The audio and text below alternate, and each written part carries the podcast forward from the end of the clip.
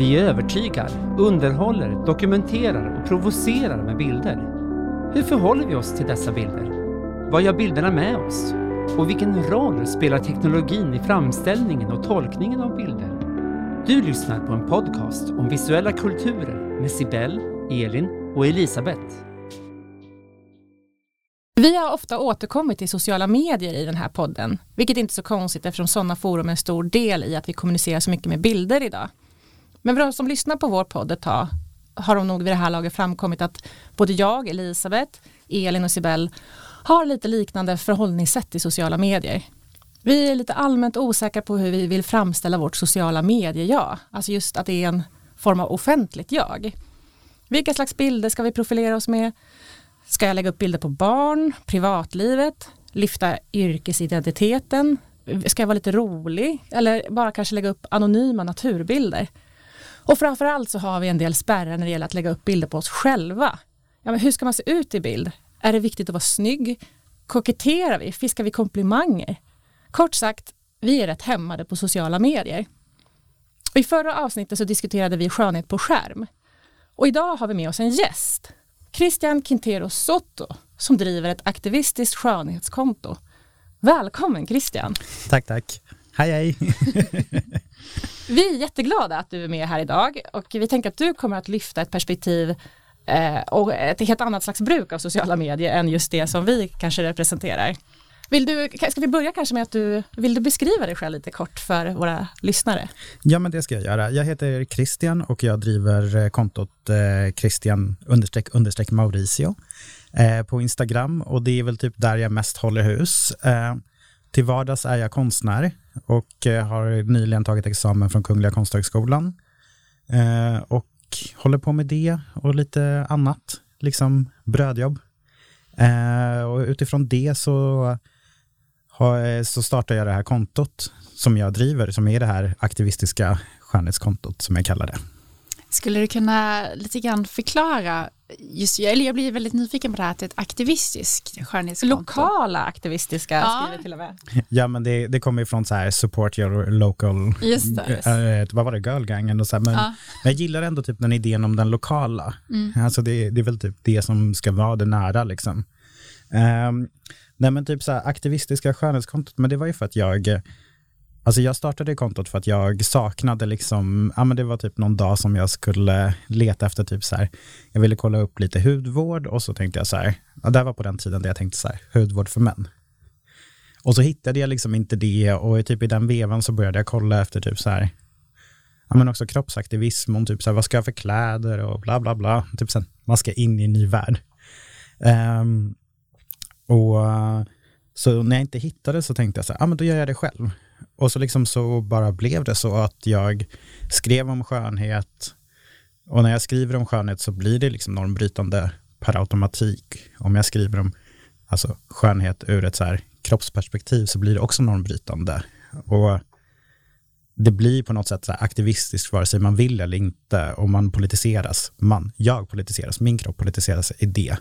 Eh, min sexualitet politiseras eh, och så vidare och så vidare. Så, så, vilka normer är det du bryter om man ska vara lite mer exakt? Ja, för den som bara lyssnar har till, eh, nej men eh, jag, eh, hur ska man säga det? Mina pronomen är han, eh, han, honom, är det man säger va? Ja, på svenska. He, him, tänker jag mm. alltid. Nej men eh, straight cis man, men däremot väldigt så här feminin. Eh, så många utgår från till exempel att jag är en queer person, vilket jag inte är. Och det har ju mer att göra för att jag typ så här använder mig av smink och hur jag pratar och sånt där. Eh, vad mer? Jo, jag är tjock, eh, jag är brun, det vill säga rasifieras. Um, och där vill jag alltid säga det så här, att rasifieras, inte att rasi vara rasifierad, för att man blir liksom, man rasifieras, det finns ju inga raser. Mm. Så det försöker jag alltid bara ta med mig liksom in i det.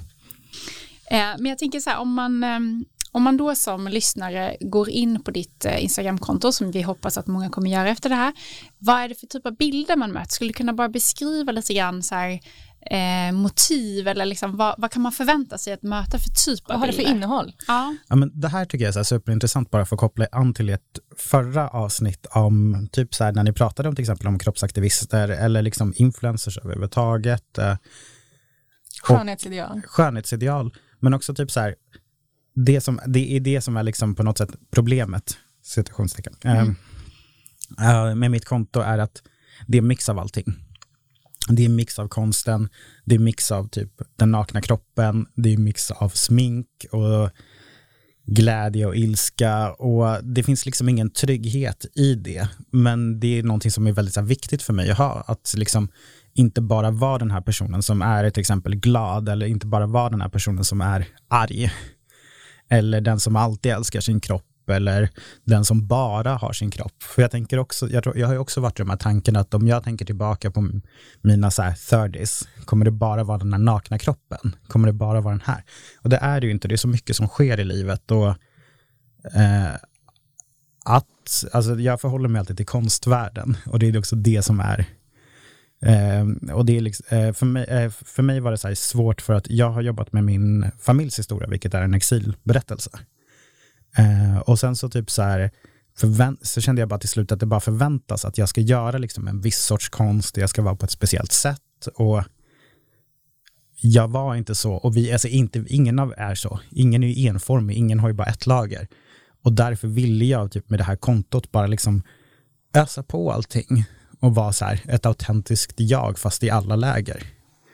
Men för de som inte har varit på ditt konto så kan man ju ändå säga att en stor del av bilderna mm. så är det, vi får se dig och vi får ja. se dig ganska ofta avklädd. Ja. Eh, helt kanske, mm. man ser inte allt såklart för det är Instagram. Eh, eller delvis avklädd kanske. Och sen har vi hudvård. Mm. Eh, men också kanske från ditt privatliv, alltså intressen ja. och sådana saker. Och det är det du beskriver nu att ja. det, det är inte ett jätte fokus utan du Nej. vill ha mer. Även om kanske kroppen ändå är. Ja men det, kroppen är ju liksom en del av mitt konstnärskap också. Och kroppen har jag alltid med mig. Så att. Det, det som jag tänkte på direkt när jag gick in på ditt konto första gången var att jag möttes av så många leenden. Mm. Eh, och det tänker jag är en så här klassisk grej som man kanske inte är van att se män le så mm. mycket som du gör på bild. Som kändes väldigt så uppfriskande tycker jag. Men, är det något du gör, liksom, är det ett aktivt val eller, eller är det bara en glad person som du vill skildra? Eller liksom, förstår du hur jag tänker? Det är typ om jag är glad. Ja. Alltså jag, jag, nu har det ändå gått så många år som jag haft det. Eller jag skaffade kontot typ 2018, sent 2018. Och jag liksom, jag log inte i början till exempel, utan var mer så här, i de här, alltså då tog jag mer fotografier som var liksom mer så här klassisk, alltså klassiska liksom kvinnomodeller tog. Fast satte in min kropp i det, det var väldigt allvarligt. Eh, och sen så har det liksom så här, typ evolverat från, alltså inte bara liksom ett leende, utan olika sätt att liksom tolkas på. Alltså ett leende med en mobil kontra typ så här en pose med en systemkamera. Och vad dessa typ så här sätt att dokumentera sig själv betyder. Det finns ett experimenterande oh ja. där. Men jag, jag kollade också faktiskt precis nu innan dina första bilder. Mm. Eh, hur, hur, skulle du beskriva utvecklingen? Det är, det är, lite försiktigare i början, det är inte, mm. det är inte helt avklätt. Eh, och också mycket ansiktsmasker, mm. att du har som en hinna. Sheetmask. Just det. Ja, sheetmask. Eh, eh, som dominerade ganska mycket i början. Eh.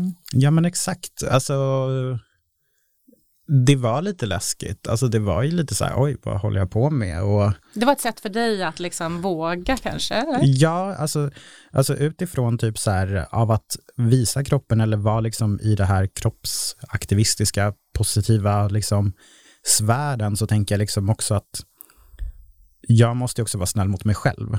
Alltså, det är så här, man är inte så här public domain på något sätt, utan det är så här, jag har alltid haft en sån här, eller det hade jag speciellt i början av att jag delade med alltså ett foto hade så här, någonting som jag var obekväm med, någonting som jag var bekväm med och någonting som pushade. Och de tre faktorerna var liksom med i varje foto. Och det kunde vara liksom att en armbåge såg konstig ut, men det var ingen som märkte det.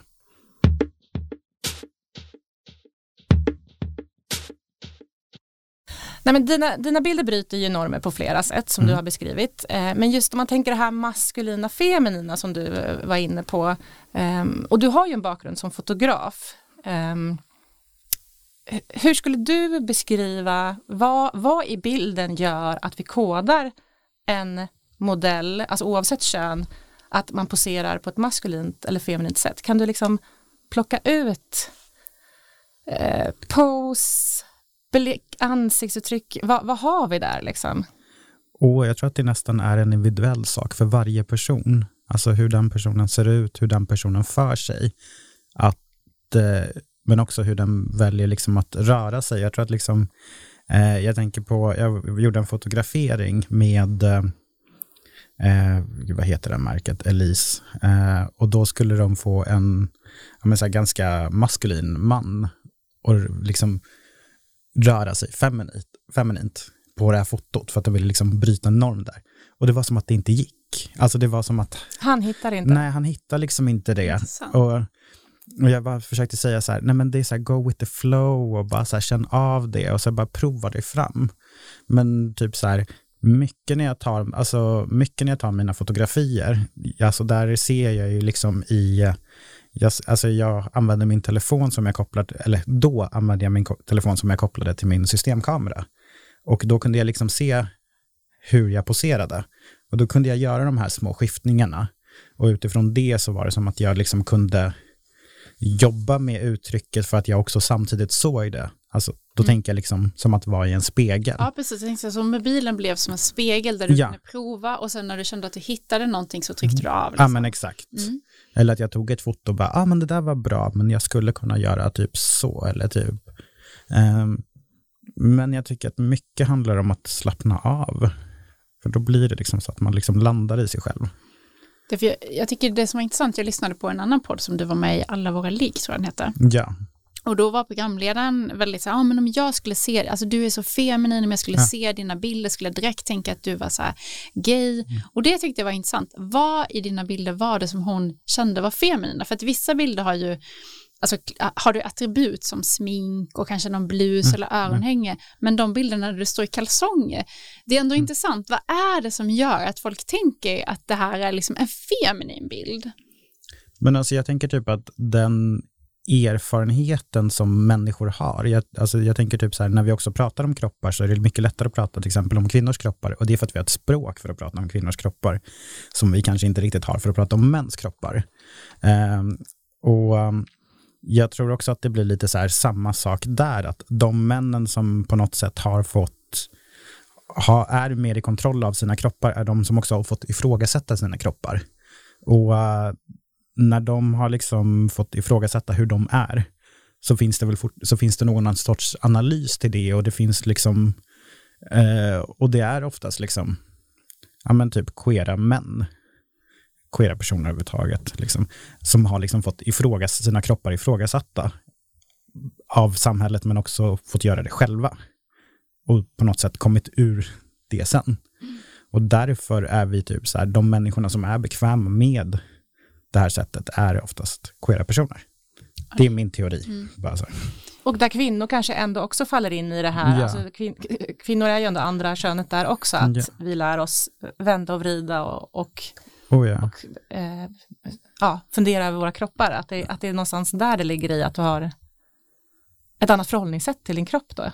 Ja, jag, jag tänker det, eller typ att jag eh, bara liksom jag, jag har fått prova mig fram och jag har velat prova mig fram. Och det kommer ju från att jag inte var bekväm med min kropp. Och typ så här, lyfta den eller inte lyfta den. Och som en feminin man så har jag ju också, liksom, också gjort gymnasiet som alla andra och varit ung och på något sätt fått reflektera i de här frågorna. Att liksom, hur är jag maskulin? Eh, hur passerar jag, eller vad man nu ska säga.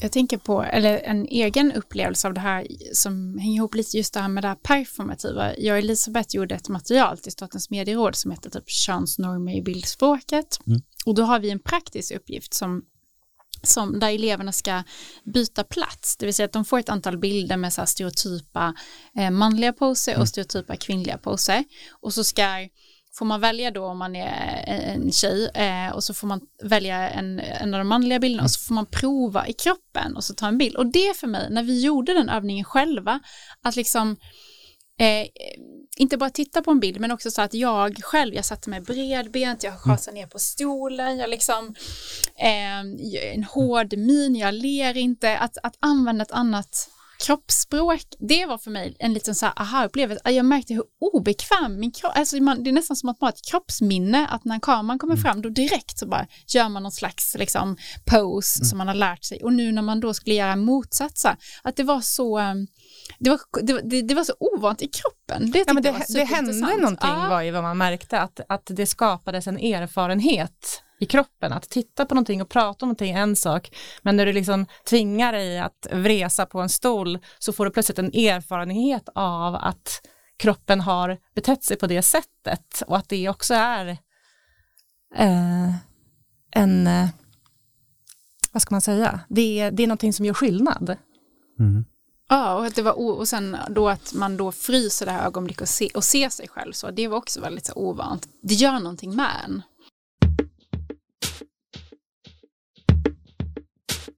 För du använder ju eh, det här eh, plattformen Instagram, kameran och bilden. Jag förstår det nästan som att det är som verktyg för dig. Eh, både att acceptera din kropp, att det har hänt någonting genom att göra det här, men också, både för dig personligen, men också liksom utåt, att bryta normer på ett större plan.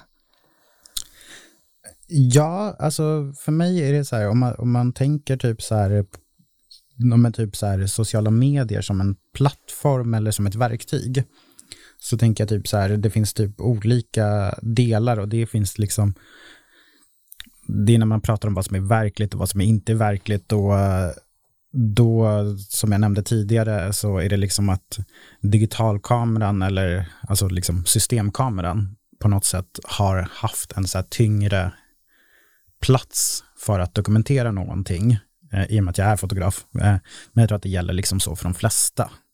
Eh, men typ så här kamerans selfie-kamera, mm. eller kameran, ka mobilens selfie-kamera, eh, är också typ det, fast den är typ mycket mer lättillgänglig.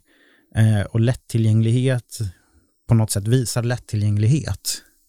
Alltså den här snabba bilden visar, visar någonting och den här typ iscensatta bilden visar liksom någonting helt annat. För det är inte så här, allting sitter, det märker man direkt när man ser ett foto, det här är en iscensatt och det här är mm. inte det.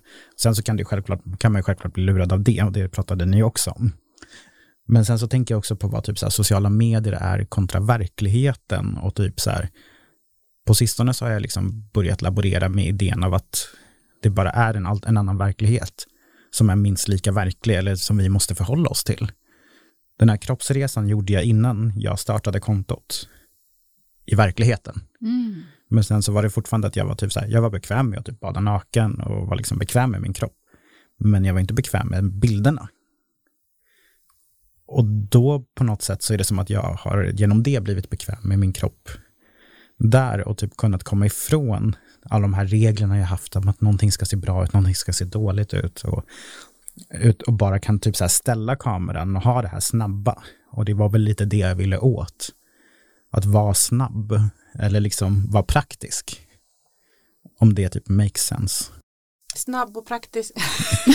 med, vad, vilk, vad, vad, föredrar du? Om, jag tänker, om, jag, om man tänker med kameran som du beskriver, du, du började med systemkameran men du använde mobilen för att kunna spegla dig samtidigt. Mm. Vad, vad gör de för skillnad, de två verktygen, mobilkamera och systemkamera? Det är ju helt, alltså de visar ju helt olika Alltså en mobilkamera och systemkamera visar liksom dels, som ni också pratade i förra avsnittet, den här vidvinkelgrejen. Alltså har man en, så här, en fotograftönt, äh, så pratar man så här 50 mm plus och 70, då trycker det ihop kontra liksom mobilens selfiekamera som ska försöka få ut så mycket som möjligt som ligger på typ 24, om 20-24 millimeter. Eh, och det liksom typ breder ut ansiktet och därav ser man tjockare ut, vilket inte är rätt enligt samhället mm. och, så typ normer och sånt. Så det finns ju typ alla de här, så här grejerna och sen så finns det liksom filter och redigeringar och ja. Vad är ditt förhållande till filter? Gud, jag tänkte på det när, när ni pratade om det och jag vet inte vad jag har. Så här. Alltså, mitt personliga förhållande är att oh, det är lite roligt bara. Alltså det är så här, det, det, det kan lyfta upp, alltså jag, jag, använder, jag ändrar ljus och sånt på mig, alltså när jag fotar. Men det är för att få liksom en någorlunda, alltså men, menar du kamerainställningen, att du ändrar ljuset där eller mm. gör du någon efterbehandling i typ Photoshop? Alltså jag gör oftast en efterbehandling men den är bara ljus. Liksom. Ljuskorrigering. Ja. Mm. Men det har mer att göra liksom med att man, alltså om jag fotar i råformat, och det här är också en, så en grej, gör man en efterbehandling eller inte, en JPEG är en efterbehandling. För mm. att ett, alltså ett råformatsfoto är ett råformatsfoto, mm. det vill säga ett, ett obehandlat, men JPEG är en så snabbbehandlad version av det, där det har dragits upp lite kontrast, lite ljus och sånt där. Så att redan det fotot man tar är redan behandlat. Som typ de här mobilkamerorna som typ blurrade ut, så är JPEG en form av det. Så att eh, allting är ju redan behandlat och om man lägger upp ett foto i råformat så ser det inte bra ut. Mm. Jag tänker också på hur man pratar om typ så här, ja ah, men folk har filter, folk gör det här och på en del av mig är så här, om det får människor att må bra och göra det, låt dem. En annan del av mig har också de här kompisarna med massa tusentals följare som inte förstår att de har filter. Och då blir det, det är där det blir fel. Det är när folk inte förstår. Det är när folk inte förstår att en influencer kan, är en karaktär. Det en persona? Den, ja, den här personan, in, alltså även om, även om en influencer kan vara din bästa vän och dela med sig, så kommer den aldrig kunna dela med sig allting. Alltså typ inte ens Big Brother kan dela med sig allting. Alltså det där programmet. Och det är en ganska så här, även om man har en viss kontakt så är det en ganska enkanalig diskussion som förs. Och den här personen, den här influensen delar med sig så mycket, men bara ett kurerat innehåll. Mm. Och sen när den här följaren på något sätt ska kritisera, då blir det så här, fast du känner inte mig, du ser en procent av mitt liv. Du ser liksom en millisekund av mitt liv som jag har, alltså det blir liksom, det, det är, någon här, det är något fel i hela det systemet på något mm. sätt.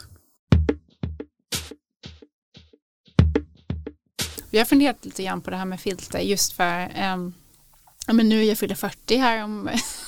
Grattis! Håller på att bearbeta. Ja, på att bearbeta. Nej, nej, men eh, jag fyller snart 40 och just det här åldrandet, för det har jag mm. tänkt jättemycket på vad, vad filter gör med bilden av åldrande, att man inte får åldras på bild. Och så har det alltid varit lite grann, eh, men att det kanske känns ännu mer eh, påtagligt nu på något sätt. För innan var det kanske då eh, kändisar eller skådisar som aldrig åldrades, men nu är det liksom gemene man på grund av de här filterna. Och det har jag funderat på vad det gör med oss och vår bild av oss själva. Eh. Ja, men jag, jag, vet, alltså jag förstår vad du tänker, för att man, det, är liksom, det är den här återspeglingen av en själv. Och den är på något sätt så himla så här viktig. Jag pratar också om det i typ så här, eh, den här podden Alla våra ligg. Av att på så här, de så här naturistcampingarna jag varit på så finns det inga speglar förutom typ en ansiktsspegel. Och det är liksom som att man glömmer bort att man har en kropp. Man ser alla andra kroppar, men det är som att man inte ser sin egna. Såvida inte man dokumenterar den. Ja, det är jätteintressant. Det var en, jag, nu, jag minns inte om hon var influencer eller om det var någon kändis som beskrev hur hon hade flyttat hallspegeln. Hon hade en helkroppsspegel i hallen. Mm. Eh, och så blev hon så irriterad för att hon såg sig själv precis innan hon skulle gå ut och så blev hon alltid lite besviken. Så då flyttade hon spegeln Eh, och så började hon må bättre, att inte ha den här liksom blicken på sig själv. Och det, det är ju väldigt intressant. Också kopplat till det du mm. säger, det här med mobilen som spegel, eller då liksom hela sociala medier, att vi hela tiden betraktar oss själva och andra. Men jag tänker det blir ju jättespännande också det du säger om din erfarenhet på naturistcampingen, där man, där man är sig själv men slipper ha, ha, konfronteras med en exponering av sig själv. Kontra då ditt konto Eh, där du faktiskt hela tiden behöver eh, eh, förhålla dig till din, till din egen kropp. Jag tänker vad, just det här också att den vare sig du är influencer mm. eller bara har ett konto som vi har, eh, där vi inte heller har klart för oss kanske vad vi vill lägga upp och så, så får du hela tiden ett sociala medier-jag. Var du än antingen har en strategi kring det eller så blir det slumpvis det du lägger upp som formar någon slags Elisabeth, en offentlig Elisabeth för de som följer mig. Vad, vad är din relation, privata Christian, vad är din relation till Christian Mauricio på Instagram? Och det, det är en superintressant fråga, för att jag har ju också så tänkt på det att det blir ju att man dokumenterar för att man tänker så här, antingen till sociala medier och det kan vara liksom, ja men typ så här Facebook som för mig kanske är lite så här konst, alltså typ jag ställer ut och nu här är en utställning, kontra Instagram som har liksom de här andra faktorerna. Ehm, men så var en kompis till mig som heter Pauline som också har ett liksom så här, eh, kroppsaktivistiskt konto. Och eh, då så här fotade vi och då var det som att eh, jag hade det här sociala medier-tänket när jag väl liksom tog upp en kamera. Eh, men hon fotade, hon och hennes kompis fotade liksom, vad ska man säga, hel kropp, det som man inte får visa på Insta. Och jag var så här, ah, vad tråkigt att man måste blurra liksom. Och hon bara, nej men det är bara för privatbruk. Och det var som att det satte liksom någonting. Mm. Eh, och så bara, ah, man kan ju ha fått dem för privatbruk. Men samtidigt så är det också så här, den här andra grejen av att så här, varför ska man täcka kroppar? Och hela idén är ju liksom så här, oh, gud, hatar mig själv, men typ en kapitalistisk idé av att tjäna pengar på att sälja kläder för att täcka en kropp och tjäna pengar på att av, klä av kroppar är ju också så här ganska bisarr. Och eh, Instagram eller liksom Facebook är ju liksom en del av den här sociala medierna. Och uh, könen blir på något sätt liksom så mystifierade, precis som typ så här, kvinnobröst liksom blir det sexualiserat utifrån att man inte får se det. Det ska vara liksom det förbjudna och då liksom de behåller den strukturen.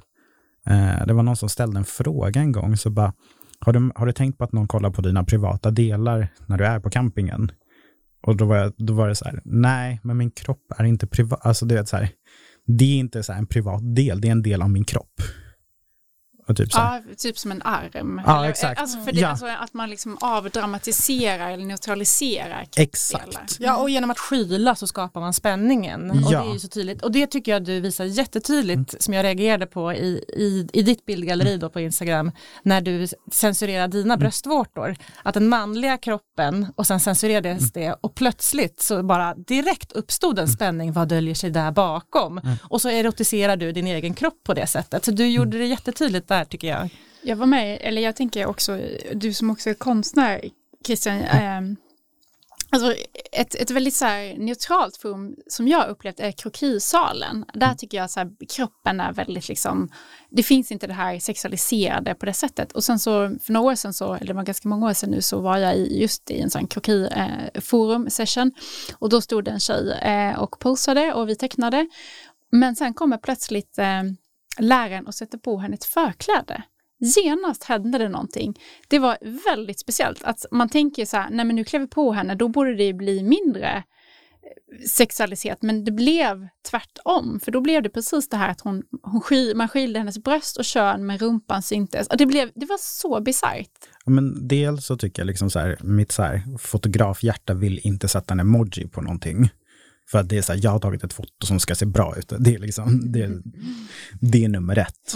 Mm. Eh, nummer två är ju också typ så här, därför jag också typ vrider och vänder på mig i fotona för att på något sätt hitta den här, det här sättet att visa kroppen som fortfarande förhåller sig till Instagrams regler utan att typ så här sexualisera min kropp. För att om jag sätter en emoji, alltså det, det ser inte bra ut. alltså det, det, det, det, ser väldigt så vulgärt ut direkt. Och det är så här, det och kan... som det är så happy face eller? Ja, alltså det, det, ja, ja, jag kan säga så här, jag har provat olika emojis och det blir inte bra. Det blir så här. Ja, ja det De blir... betyder också någonting, så ja. det en kommentar. ja, men det, det ser bara väldigt så här, det ser bara väldigt, ja, men det, är så här, det går från en väldigt så här härlig liksom sommarbild ja. till att bli så här, uh. det är också att ändra ett foto, det är också ett filter. Alltså det, mm. ja. Eh, nej men vi, vi bad ju dig Christer, eller vi bad om lov att få diskutera tre av dina bilder lite mer ingående som finns i ditt flöde. Eh, och för er som lyssnar blir det lite märkligt nu eftersom ni inte ser utan bara hör. Men de här bilderna kommer vi lägga upp på vår Instagramkonto i samband med att vi publicerar det här avsnittet. Så där kan ni se de här bilderna som vi pratar om. Eh, och jag tänker två bilder som jag och Elisabeth valde ut som vi tycker är intressanta att jämföra. Jag ska försöka mig på att så här, jättesnabbt beskriva dem. Eh, och på de här två bilderna så ser man dig mot en vit bakgrund. Du sitter på en svart stol. Eh, bilden är beskuren ungefär från knäna skulle jag säga.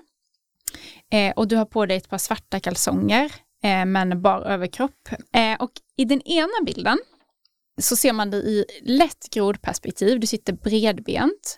Överkroppen är lutad bakåt mot stolsryggen. Och det ser ut som att du liksom sitter lite längre fram på stolen, alltså i framkanten och lutar dig bakåt. Ena armen hänger bakåt riktad ifrån kroppen och den handen är lätt kupad och den andra handen är lyft uppåt, så man ser liksom din armhåla. Eh, men armen är böjd och sträckt bakåt mot huvudet. Och det här kan man som sagt titta på. För det är lite lite svårt. som att du stryker hår bakom Ja, örat, alltså lite precis. sån gest.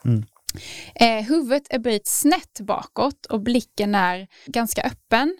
Men den kikar liksom ner kan man säga på mig som betraktar lite grann. Munnen är stängd och du har ett, eh, ett ansiktsuttryck som är vad ska man säga, inte hårt, men det är, det är inte helt avslappnat om man jämför då med nästa bild som är egentligen precis på samma sätt, alltså den är beskuren på samma sätt, du sitter på samma sätt, men istället så har du ena handen vilar på låret med fingrarna vänd mot insidan av låret och den andra armen är böjd uppåt och du håller liksom handen kupad mot hals, nacke. Så armbågen är liksom lite in över ditt bröst och sen så håller du liksom lite försiktigt här, hals, nacke.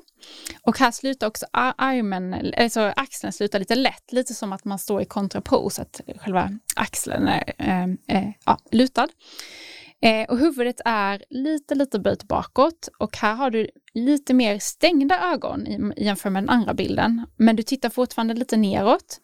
Och här har du också en lätt öppen mun och musklerna i ansiktet ser lite mjukare ut, ska man kunna säga. Och de här två tycker jag är så intressanta för att de är väldigt lika på många sätt. Men, de, men det, det är subtila skillnader som ändå gör att jag kodar den ena bilden väldigt feminint medan jag kodar den andra bilden väldigt maskulint.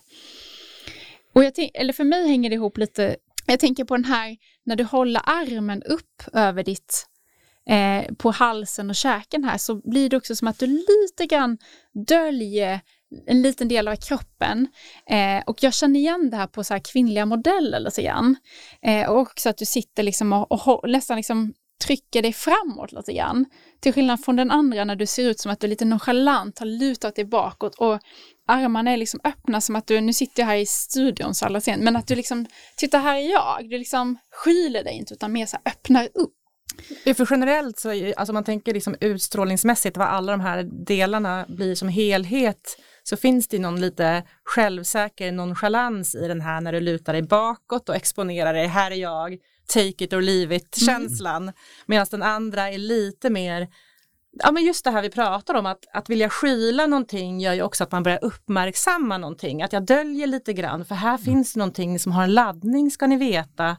Och också den här mjuka gesten att du liksom berör huden väldigt, väldigt lätt på hakan. En mjuk strykning som också blir det här äh, mjuka värdet. Att jag tror att även om man liksom inte är inne på bildanalys eller så överhuvudtaget så tror jag att det här sätter alla som ser de här bilderna. Vilken är manligt kodad, vilken är kvinnligt kodad. Både gesterna, utstrålning och sen såklart ansiktsuttrycket, att vi alla är bra på att läsa av ansiktsuttryck och att det är lite beslöjad bild på ena och den andra är lite mer lite hård där är ändå Mm. tänker jag. Och, det, och det, nu är det, det här är vår, liksom, hur vi läser de här bilderna, så nu är vi jättespända på eh, hur, hur du tänkte när du fotade de här bilderna. Hur gick det till? Ja. Kommer du ihåg? Ja, lite, lite halvt. Jag vet att den är fotad i eh, skolan. Eh, för då pl- eh, hade jag en period där jag liksom bara plåtade liksom flera stycken efter På varandra. eh, Konsthögskolan. Ja, Mm. Konsthögskolan. Så då plåtade jag liksom i studion bara så här flera liksom foton efter varandra. För att ha liksom något slags arkiv. Där var ju liksom på något sätt i början. Och det var också det jag typ så här provade mig fram, typ hur ser min kropp ut i bild? För att samtidigt, jag hade ju liksom inte, det här är ju så här ganska tidigt. Och jag tror också att det är direkt efter vår bröllopsresa, så att det är liksom halvår in i kontot. Um, och då minns jag liksom att Ja men typ hur, hur ser jag ut? Vart ser jag liksom vilken liksom rörelse är jag mer, mest bekväm med? Med vilken är det också så här, eh, då kommer jag också ihåg att jag också tänkte så här på likes, här, vad ger mest likes? Eh, vilka bilder, då hade jag liksom på något sätt börjat delas av konton och vilka bilder delades mest kontra liksom vilka som delades mindre. Eh, och de maskulina bilderna delades mer. Mm. Än vad de, och de bilderna där jag såg mer normsmal ut, än där jag såg tjockare ut, delades också så här mycket mer, mm. alltså där jag såg smalare ut, trots att vi pratade om kroppsaktivism. Mm. Så delade, det, vet du vad, vad delade de i för forum? Var det ja, kroppsaktivistiska forum? Alltså, dels i kroppsaktivistiska forum, men också typ om jag gjorde typ en intervju eller något sånt där. Alltså typ mm, ofta, man valde liksom den. Ja, och sen jag, jag har ett foto när jag liksom har armen bakom. Det är ett av mina så första liksom avklädda foton. Um, bakom huvudet? Ja, exakt. Liksom, ja, så jag sitter typ ganska... Armbågen blir, bildar en triangel? Ja, mm. Eh, så jag sitter liksom så här, ja, med bredbent och liksom kollar in i kameran väldigt så här maskulint. Och den, har ju också, den var ju också en så superdelad bild eh, i början. Medan de är mer feminina, mer så här sköra, som jag tyckte var, kan, kunde vara mer intressanta liksom, för mig att se. Ja, hur tolkar vi kroppen? Hur tolkar vi liksom den maskulina kroppen här? Och eh, kan en kropp fortfarande vara maskulin trots de feminina attributen? Eh, för det är egentligen bara attribut. Mm. Alltså, jag ser min kropp som en maskulin kropp. Mm. I vilket fall som helst. Och även med smink och liksom de lagarna som jag sätter på mig själv. Och det är ett val som jag sätter. Um, här tänker jag också, typ så här, om vi ska kolla bild så, eh, det är som att jag i den, vi kallar den maskulina och den feminina bara mm, för att mm, förenkla. Mm, mm. Men i den maskulina så är det också som att jag, då tar jag emot ljuset på ett helt annat sätt. Mm. Alltså liksom, så att jag är mycket ljusare där och den feminina är mer skuggad och liksom, eh, det hade jag faktiskt också, så jag sänkt, alltså man ser det i skuggorna här av bakgrunden. Så att jag är liksom det är lite mer skuggat. Du har förstärkt det i, ja. efterbehandlingen?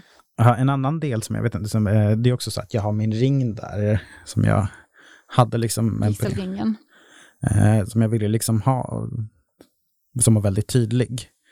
Eh, men det är också liksom så jag sitter nu, känner jag. Mm. Så att, eh, det är väl också mer en så här naturlig pose. Så det här är kanske, för du beskrev innan ibland eh, hur du tidigare mm. kopplade mobilen och liksom använde den som en spegel mm. och sen då tog ett foto. Så det här är kanske då en av de sessionerna. Ja, exakt. Mm.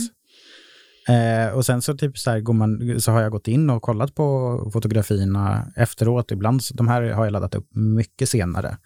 Eh, som att de bara låg liksom i ett arkiv och så gick jag in och kollade för att jag inte hade, hade ingenting att lägga upp. Och så just två, de här hamnar liksom väldigt nära varandra. Eh, och sen så, när jag fotograferar så fotograferar jag en del. Jättemycket gjorde jag då. Och sen gjorde jag ett urval och i det urvalet så gjorde jag ett urval som blev liksom det sista fotot. Och de här hamnade tillsammans med typ två, tre andra bilder. Och då var det som att jag var så här, ah, okej, okay, men ska jag vara mer feminin i det här fotot eller ska jag vara mer maskulin? Och då så tänkte jag liksom, varför inte bara båda? Och då blev det liksom det som blev texten. Till det att det, ja. Varför? Det formulerades i efterhand kan man säga, att ja. i fotoögonblicket så var det inte så du tänkte, att det här nej. ska lägga upp och det ska vara i en sån här kontext. Nej, nej, nej. Utan, utan det blev en efter... Ja, exakt. Det är liksom ett provande i mm. fotografi. Mm. Och när du fotograferade så var det liksom ett allmänt experimenterande. Oh ja. Mm. Men just det här att eh, du märkte att, de, att man väljer att dela de som kanske är lite mer lättsmälta, ja. citationstecken. De som liknar de bilderna man brukar se av män. Det är ju intressant. Ja, mm. att, att eh, om man tänker då ett normbrytande arbete, mm. och det beskriver ju du också, mm. att alla måste ta det steg för mm. steg, och om man då tänker lite breda allmänheten, så blir det kanske avslöjat här att här, här är många, vi klarar av de här bilderna, men här blir det så svårt och konstigt. Vi är inte redo för det här. Nej. Men det är liksom, det är ju supertydligt om man tänker på typ så här, eh, ja men typ inom kroppsaktivismen, så här, vilka som får de stora kontona, vilka som får följarna och det är de som förhåller sig till normen eller som är liksom närmast normen. Eh, som utmanar lagom mycket. Ja men exakt. Och det, men där är det också så superviktigt för där har jag som till exempel man privilegier där jag kan pusha på typ hur mycket man kan visa kroppen kontra typ mot mina ja, men typ kvinnliga eller icke-mäns kollegor som visar kroppen på ett helt annat sätt, eh, som inte kan visa kroppen på samma sätt. Där kan jag liksom pusha. De kan inte på grund av? Alltså, de får fler varningar på Instagram mm. och kort, alltså, kontona blir avstängda och det censureras och, och sånt. Men också typ så här hur vi behandlas utåt sett är ju också det. Eh, nej men jag tänkte på det, för det var vid något tillfälle när jag var i ett samtal med Kajan Andersson och eh, Som är? Eh, kroppsaktivist och författare. Um, och föreläsare. Eh, och Stina Wolter, konstnär, kroppsaktivist och massa annat. Och då var det som att vi skickade in bilder och då var det de två skickade, de två skickade två profilbilder och jag skickade en nakenbild eh, till liksom den här promotion-grejen. Och det blev så, liksom så tydligt där att de två behövde liksom på något sätt porträttera sig som mer seriösa och jag hade liksom inte det behovet. Men i och med att jag inte har det behovet i egenskap av man, så kan jag ju pusha på det. Eh, som typ en vit person kan pusha för någonting jag inte kan pusha för. Ja, jag måste, om jag får fylla i så tänker jag också det här att, att du är heterosexuell mm. också ja. blir en viktig faktor här. Oh ja. I att du spränger normer. För att just som du har beskrivit i något sammanhang jag lyssnar på, att du har nästan fått komma ut liksom, mm. som heterosexuell för att du misstolkas på något sätt. I, man kodar dig som någonting annat. Mm. Och, och det, gör ju, det, blir, det bidrar ju med ytterligare en faktor, för att det är ju, där tillhör ju du den breda normen på det sättet. Eh, och, och därför blir du ja, hur ska man beskriva det? Du blir en... en... Men det är ett privilegie. Alltså det jag, alltså så här är det, jag kan fortfarande bli typ slagen, eller typ så här, eller det, eh, men en gång i tiden så hade man fortfarande kunnat bli slagen för att ha smink på sig som man. Alltså, och jag kan fortfarande bli, typ, men det är inte samma sak. Alltså jag kan, jag kan liksom välja att inte ha smink på mig, utan det, är mer, det kan vara mer en så här, eh, någonting lekfullt och där jag faktiskt lek, alltså där vi faktiskt går in i vad smink är, det är att leka med färger eh, för att forma. Och utan att det ska vara liksom något identitetsbyggande för mig eller identitets, vad heter reassuring är ordet, bekräftande. Mm. Så att det finns inte den här på liv och död grejen med mig, för mig att göra det. Men det är också därför det blir viktigt för mig att göra det. Att jag, kan, jag, jag får möjlighet att prova mig fram och på något sätt visa att vet du vad, det här är inte så farligt.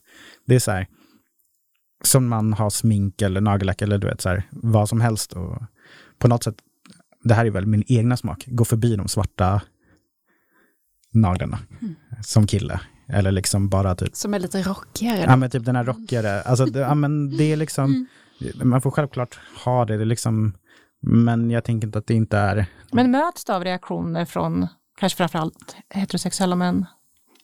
Så de är ganska rädda för mig. Mm. De kanske inte vet vad de ska säga. Ja, det blir väldigt så här, men det är okej. Okay.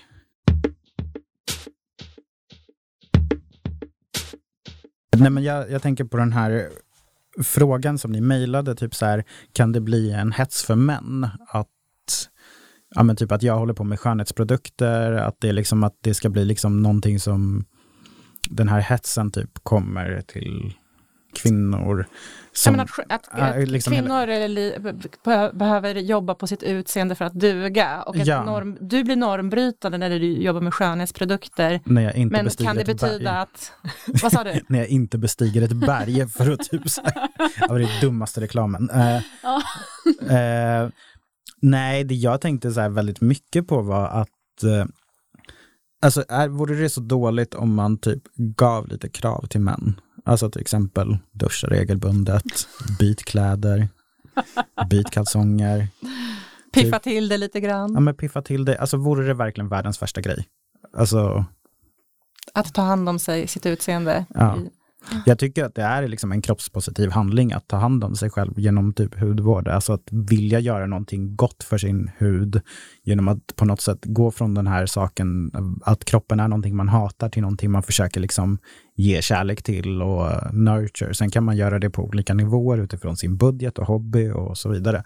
Men jag tycker att det finns någonting fint i det här att ta på sin kropp med välvilja.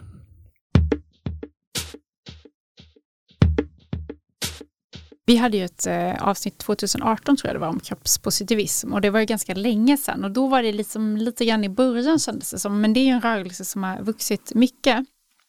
Eh, och jag blev bara nyfiken lite så här, ni som ingår i den här rörelsen, har ni mycket kontakt med varandra? Är det mest via sociala medier eller träffas man och inspireras man av varandras bild och pushar? Eller hur liksom, kan du beskriva någonting om den kontexten? Jo, men det finns ju, alltså det finns ju absolut ett nätverk eh, kring det. Eh, och jo, men vissa har, så här, eh, har jag ju träffat och typ så här, som har blivit så här nära vänner. Eh, och det är ju så här superkul att liksom ha lite folk här och där som man, som man träffar, men också som man dels kan prata om, alltså dels för att vi vet liksom, vi går igenom liksom alla de här sakerna. Eh, och det, Vilka saker då? Nej men till exempel, alltså det är ju fortfarande liksom något självutlämnande med att ta, lägga upp de här selfiesarna, lägga upp de här dansvideorna eller nakenbilderna. Alltså det finns ju liksom, ingen av oss är supermänniskor, vi är liksom helt vanliga människor som bara liksom gör det här på typ så här vinst och förlust egentligen. Det kan finnas konsekvenser som till exempel när eh, jättemånga delades på typ porrkonton med, eh, alltså många kroppsaktivisters foton delades mm. på ett porrkonto Eh, där det var typ så här, ja men typ så här, då tog de liksom foton ifrån sin text och ändrade kontexten. Mm. Eh, och eh, hur mycket ett foto kan liksom ha sin egna kraft och hur mycket texten som behövs till det. Så på något sätt så behöver man liksom så här stöttning och alla vet ju det här att relationen till kroppen liksom är väldigt flytande eller liksom färsk och går liksom från dag till dag. Eller, och det gör ju liksom att man på något sätt kan relatera till varandra, att vi liksom är liksom på något sätt offentliga eller vad man nu ska kalla oss. Um, och då blir det också så här skönt för att vi också typ så här kommunicerar med människor. Det är jättemånga som skriver i, i, liksom, i det dolda eller liksom skriver i DMs och funderar kring saker och så. Och typ så här hur man förhåller sig till det. Hur förhåller man sig jag tror att jag berättade det i, jag vet inte vart, men att det var en man som skrev till mig att så här, första gången i sitt liv hade han gått så här barbröstad på sin utegård. Mm. Och det är, så här, det är en jättesvår grej. Eller typ mm. så här, jag har haft en kompis som bara, ah, typ, tack vare dina bilder så typ så här, hatar inte jag min kropp. Alltså, mm. Det är ändå liksom så här, det är ett ansvar, eller det blir så här jättekonstigt. Mm. Det, är, det, är, det är superfint och det är väl lite det man vill, men det blir också så himla så här, det blir också så här bisarrt och det är ganska, eller, eller, på något sätt det är svårt att ta in. Och därför är det skönt att ha det här nätverket av människor där man har kontakt. Och kan prata. Mm. Mm. Jag tänker också just det här visuella mönstret blir så viktigt att ni är flera som gör det här. Och att det kan, för det tänker jag också hänga ihop med plattformen som sociala medier, att man kan koppla ihop bilder via hashtag. Så att mm. det inte bara blir det här en bild utan det blir de här stora, större flödena. Och det är då mm. man kan också få den här kraften att verkligen då påverka eller göra skillnad. Oh ja. Och det är, det är också så här, ja men det är så fint när någon typ eh, jag kommer ihåg att jag delade typ min bild på min rygg och så var det jättemånga som skickade in sina bilder på sina ryggar och så var det så här, alla ryggar såg ju typ likadana ut. Eller det, så här, det var ju bara ryggar. Eller liksom en kompis till mig delade eh, när det var så här kvinnor som ammade i alla sorters kroppar liksom. Och det var bara så här fint att se det här återkommande flödet och vi är flockmänniskor, vi är liksom i det. Mm. Ditt, ditt, eget flöde på Instagram, mm. är, är, det, är det mycket sådana här bilder eller hur ser det ut? Mitt flöde är en kombination av eh, kroppsaktivister, eh, konstnärer, skönhetspersoner och typ ja, roliga konton. Så det är verkligen så här, det är, en, det är en positiv plats men som också får utrymme att vara negativ och känna saker. Så jag vet inte. Jag tänker typ att varken mitt flöde eller mitt konto är typ där vänneravsnittet som man kollar på när man mm. är typ så här, inte vill ha någon så här känsla, utan man vet vad man får. Inte bara så. Ja, och det tänker jag också är en positiv ähm, sak med platt, en, ja, men som mm. sociala medier som Instagram, just att man kan kurera sitt bildflöde på ett sätt som man inte kanske har kunnat innan, utan då har det mm. varit liksom reklambild och så vidare i den offentliga rummen. Men här kan du ändå lite grann så här, välja, välja bort vad du vill se för någonting. Mm.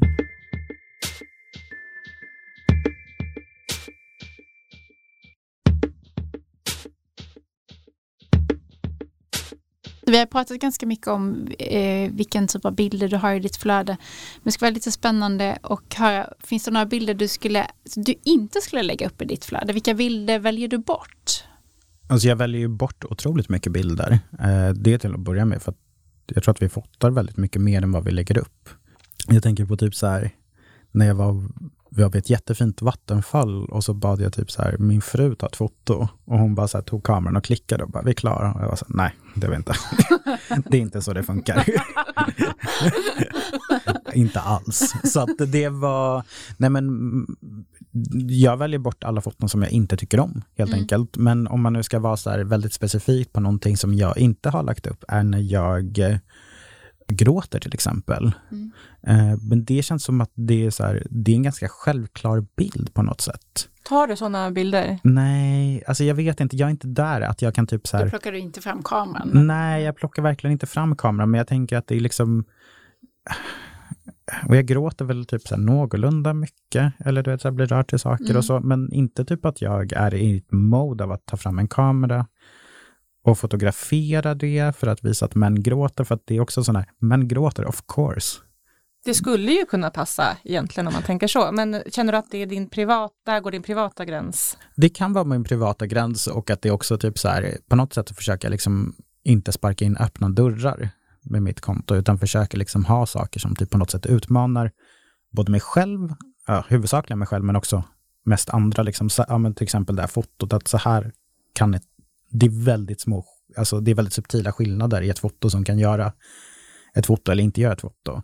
Men eh, nej. Men det är inte ofta vi ser bilder på män som gråter. Alltså, det är inte ofta vi ser bilder på män som skrattar heller, eh, konstaterade ja. vi innan inspelningen här. Neutralt. För du, jag, tyck, jag, jag tolkar ditt, eh, ditt konto som väldigt positivt. Mm. Alltså, ja. du, du, verkar vara en så glad, mysig kille när man tittar ja. på ditt konto. Eh, men, men precis, att, att även skrattande män är lite ovanliga. Det är en ganska snäv form där i hur män ser ut i bild, som är ganska mycket så här, det här neutrala, gärna lite Stoneface. kaxiga. Stoneface eller lite kax. Ja, det, ja, det hänger ihop. Ja, stoneface i olika nyanser. Mm. olika nyanser. olika nyanser. ja, det ska, det ska jag fota till nästa gång. Olika nyanser. Nästa, nästa experiment. 50 shades of stoneface. Nej, fy fan.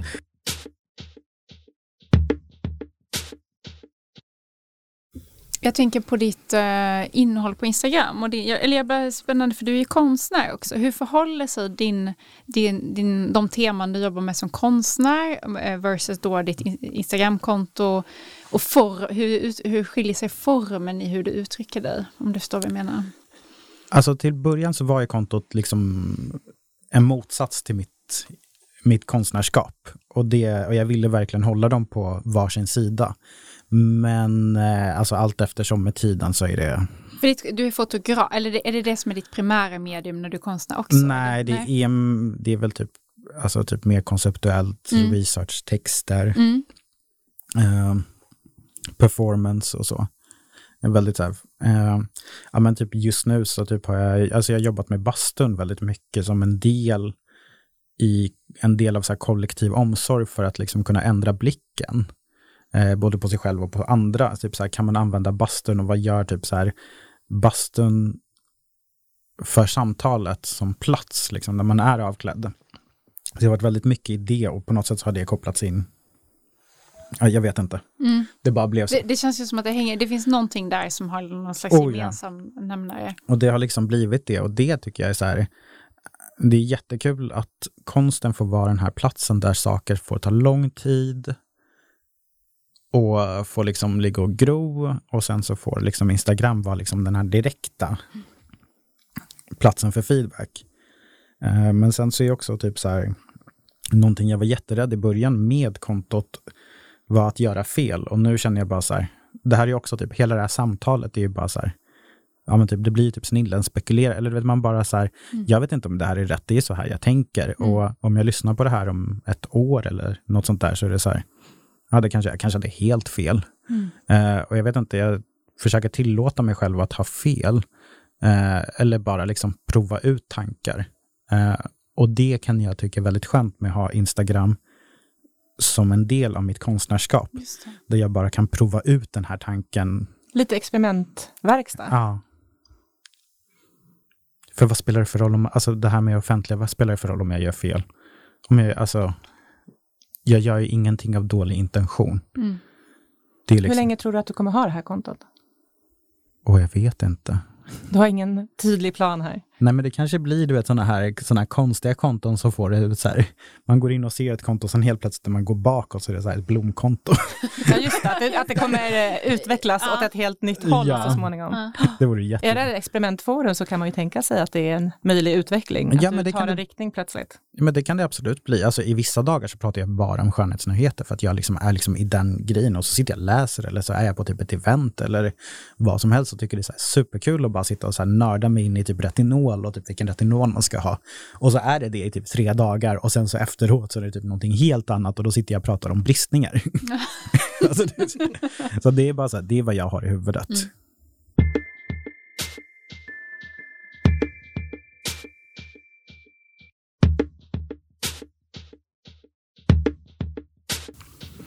Jag vill bara, så här, innan vi avslutar, jag är jättenyfiken på det sista fotot. Ja, Just det, vi sa vi, vi på det att vi ska prata ja. om tre bilder, så pratar vi bara om två. Men vad vi ser är Christian då, bar överkropp, eh, som ligger på en yta som ser mjuk ut. Jag tolkar det som en säng. Eh, du ligger med huvudet mot madrassen eh, och riktar ansiktet mot kameran. Eh, men hur ska jag beskriva det? Alltså vi ser dig typ upp. Di diagonalt ja, med huvudet ner mot bildar en... höger hörn kan man säga, en diagonal linje. Precis, kroppen bildar en diagonal på det sättet och sen din vänsterarm då går ut i bild på vänstersidan vilket gör att man lätt tolkar det här som en selfie, att det är du själv som har tagit den här bilden. Och i bakgrunden så är eh, det är en ljus bakgrund med några skiftningar som gör att man tolkar det som en, ett överexponerat fönster, ett dagsljus som silar in. Morgonbild tänkte jag när jag såg den, så här, precis mm. nyvaken. Eller det var ljuset som, som gjorde Ljuset, att jag tänkte. Eh, underlaget, säng mm. och sen en, en varm och intim trevlig blick in i mm. kameran och ett litet småleende. Eh, och att man också tänker att du själv tar bilden eh, skapar väldigt mycket intimitet, tänker jag. Precis, mm. morgonbild, nästan det här god morgon älskling-känslan. Mm. Och vi bjuds liksom in, för jag, jag, tycker väldigt mycket om den här bilden, eh, men också det här att det blir det här intima, att vi bjuds liksom in i sängkammaren som man brukar tänka då är liksom någon slags intim sfär. Men, men jag tänker också till skillnad från de andra att, som är fotade med stativ, att det blir ju, det här har ju du beskrivit lite grann, att att då blir det mer som att kameran betraktar dig eller vi betraktar och sen så selfien där betraktar du dig själv på ett sätt. Att det, hur det ser ut som att fotot är taget påverkar också tolkningen. Det känns mer intimt på grund av att du bjuder in oss via selfien. Det kanske inte är en selfie, vi kanske tolkar det helt fel. Det är en selfie. Mm. Det finns några foton där som ser ut som selfies på mitt konto som absolut inte är selfies, ja. kan jag säga. Mm. Uh, där det ser ut som att det är en kompis som har fotat. Absolut inte. Men det här är en selfie, det är faktiskt efter en tupplur på Kap Verde. Mm. Det vi, alltså typ så här, veckorna innan pandemin faktiskt. Mm. Vår sista så här, utomlandsresa. Jag tog det fotot bara, men typ så här, så här felt cute, tog mm. fotot mm. och så... Nej, men det som jag gjorde att jag också tycker om den här bilden är för att den är så... Det är någonting otroligt mjukt över den och att man, man är van att se eller jag har sett flera kvinnor på det här sättet, mer i någon slags underklädesreklam, men det känns inte alls på det sättet. Du, även om du ligger i sängen och eh, förmodligen är naken, den känns jag vet inte, det är någonting så väldigt varmt och fint med den här bilden tycker jag. Eh, och den känns väldigt så här os osexualiserad på ett sätt, även att du är i, i din säng. Det, det, är en intimitet utan ja, att vara sexuellt. Exakt. Tänker jag. Och det är blicken som är den här förtroliga men inte den här beslöjade vill du ha mig-blicken. Ja, att det är den mig som lite, gör, utan, ja, mm. För annars känns... känner man igen mycket bildkoder kring det här sexuella men, men det finns inte där utan blicken gör att det blir någonting annat. Nej, men det har jag liksom tänkt så ganska mycket på i mina bilder och också typ, mm, alltså det blir på något sätt så är också den nakna maskulina kroppen mer normaliserad. Men också antingen så är den sexualiserad eller så är den ett skämt. Mm. Och eh, därför har jag liksom försökt att hitta det här mellantinget mellan skämtet, som oftast är liksom den tjocka kroppen, och ha liksom, alltså typ så här, jag vill inte säga så här sensuell, men väldigt så mjuk, eh, ja men typ så här, går det att avväpna en maskulin kropp? Och på något sätt och det har varit liksom så tanken. Men eh, anledningen till att jag eh, trodde att ni hade valt det här fotot var för den här texten. Eh, i, eh, och det är liksom ett stycke från Roxannes skrivbok eh, Hunger. Och det är, jag är kompulent, jag har valkar av brunt hull, armar, ben och mage.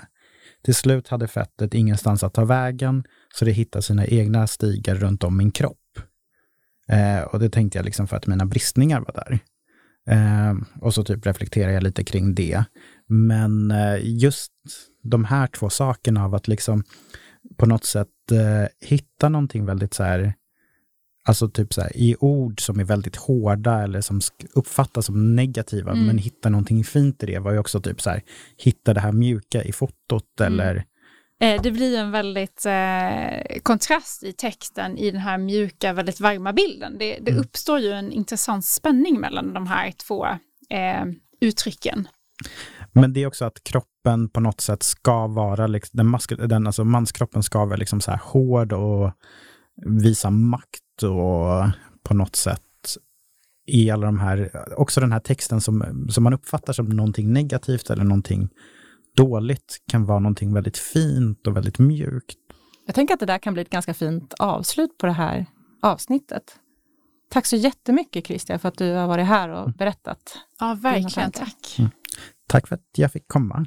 Och eh, vi kommer lägga upp de här bilderna vi har pratat om på vår Instagram och där kan vi också ja, tagga Christian så att mm. man eh, kan gå in och titta på ditt konto och börja följa dig som vi tycker att man absolut ska göra. Så säger vi tack, tack, tack alla som har lyssnat. Tack, tack.